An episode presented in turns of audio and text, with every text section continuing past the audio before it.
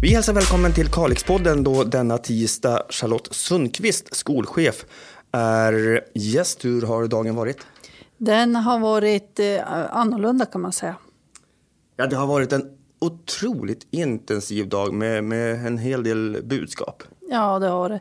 Eh, egentligen så man har väl gått och misstänkt att det här ska hända. Det som nu har hänt, att vi ska flytta undervisningen från skolan till hemmen. Eh, det hände idag och det känns som att vi, vi var lite förberedda ändå.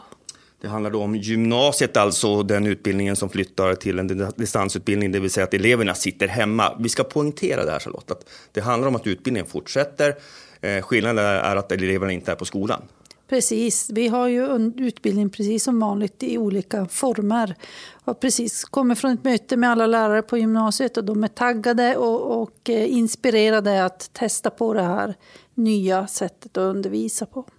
Ja, vad sa ni på det mötet? Där mötte ni ju alla då dessa fantastiska lärare som nu ska stå inför en ny utmaning, det vill säga att eh, undervisa på distans.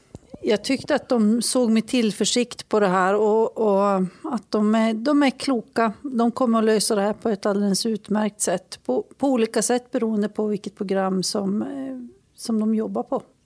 Det här ska då träda kraft imorgon, men dagen imorgon blir en något annorlunda skoldag. Ja, vi hade ju inplanerat en friluftsdag så vi tyckte att det passar bra att ha en dag för lärarna att ställa om och eleverna får ha en friluftsdag, eh, vara hemma och motionera. Det är ju många frågor och funderingar som, blir såklart under ett sånt här beslut. Beslutet har Kalix kommun tagit, men man följer ju de rekommendationer som regeringen vid en presskonferens eh, tidigare idag sa. Var det någon tvekan i att, att eh, följa beslutet? Absolut inte.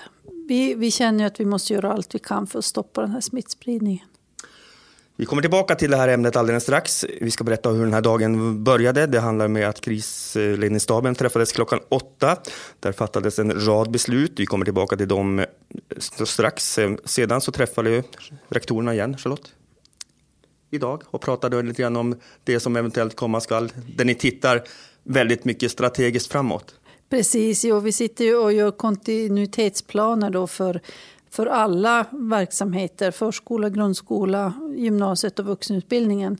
Och vi, vi anar ju lite grann att vi kommer att vara tvungna att sätta de där kontinuitetsplanerna i verket ganska snart.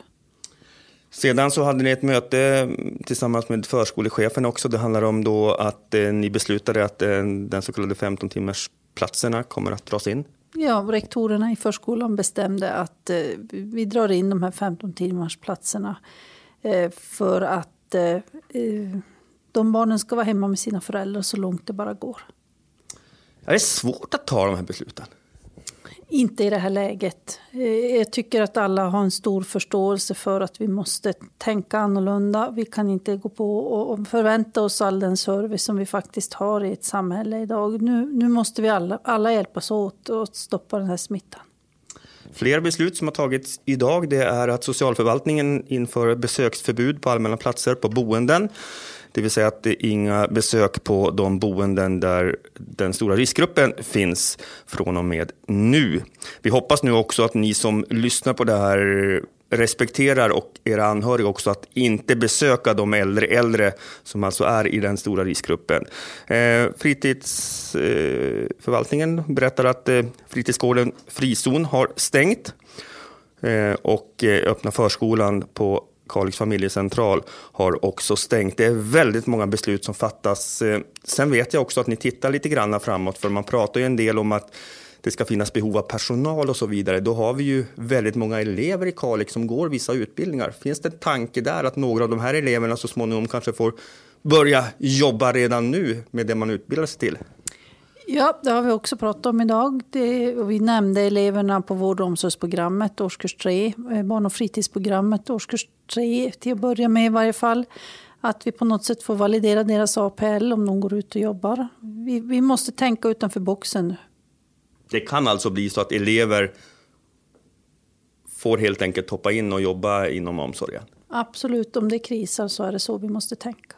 Kan det finnas möjligheter också att personal inom Kalix kommun, som är en stor, stor myndighet med 1600 anställda, att man till och med får hoppa in där det verkligen behövs? Så kan det bli. Vi är ju många som jobbar med administration som har en utbildning bakom oss. Jag är själv lärare och kan jobba som lärare. Och behövs det så är det det jag ska göra. Och här kan det fattas, vad jag förstår, rätt snabba beslut också? Då. Det kan det göra. Vi vet ju hur det ser ut nu, just nu, idag. Imorgon så vet vi inte. Nej, det är det som är så svårt. Mm. Vi kan ju inte säga vad som händer egentligen om en timme eller två, för en ny information kan ju komma. Eh, om vi avslutar den här podden denna tisdag med eh, att konstatera att det är alltså distansutbildning. Det innebär att alla elever jobbar hemma i, med sin utbildning. Jag kan tänka mig att det blir en liten inkörsport ändå, för det är ju rätt nytt det här. Det är det ju. Och, och vi har, när vi kommer från mötet där vi pratar med lärarna så är det ju tanken att de sitter kvar på skolan och gör det de gör i vanliga fall. Diskuterar det här med utbildning, undervisning, bedömning, betygssättning och så vidare. Och eleverna sitter hemma och man träffas på olika forum då som vi har. Och rent tekniskt så finns det hjälpmedel idag att ta till för att lösa de här sakerna? Ja, vi har väldigt bra med utrustning när det gäller det.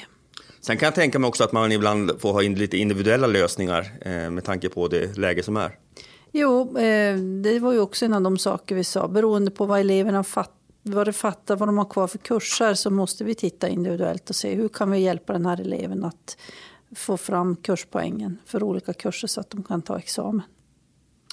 Bra, det har kommit väldigt mycket frågor kring de här olika sakerna, alltifrån när och om det går att göra prov och så vidare. Och det går det att göra med de hjälpmedel som finns idag. Det pratas om sommarlovet och så vidare. Men det går inte att sia i framtiden utan man måste agera egentligen från timme till timme och dag till dag. Ja, det, det, är precis det vi måste göra. När vi är framme vid sommarlovet får vi se hur många elever som har klarat det på den här tiden vi har till vårt förfogande. Då.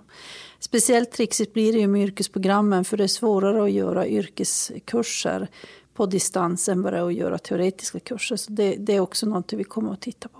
Och det kan vi väl också nämna då när det handlar om de här praktikplatserna, där man är ute just nu på de praktikplatserna så, så fortsätter det? Det gör det. Om inte arbetsgivarna har någonting emot det så kommer det att fortsätta. Charlotte Sundqvist, dagens gäst här i Kalixpodden.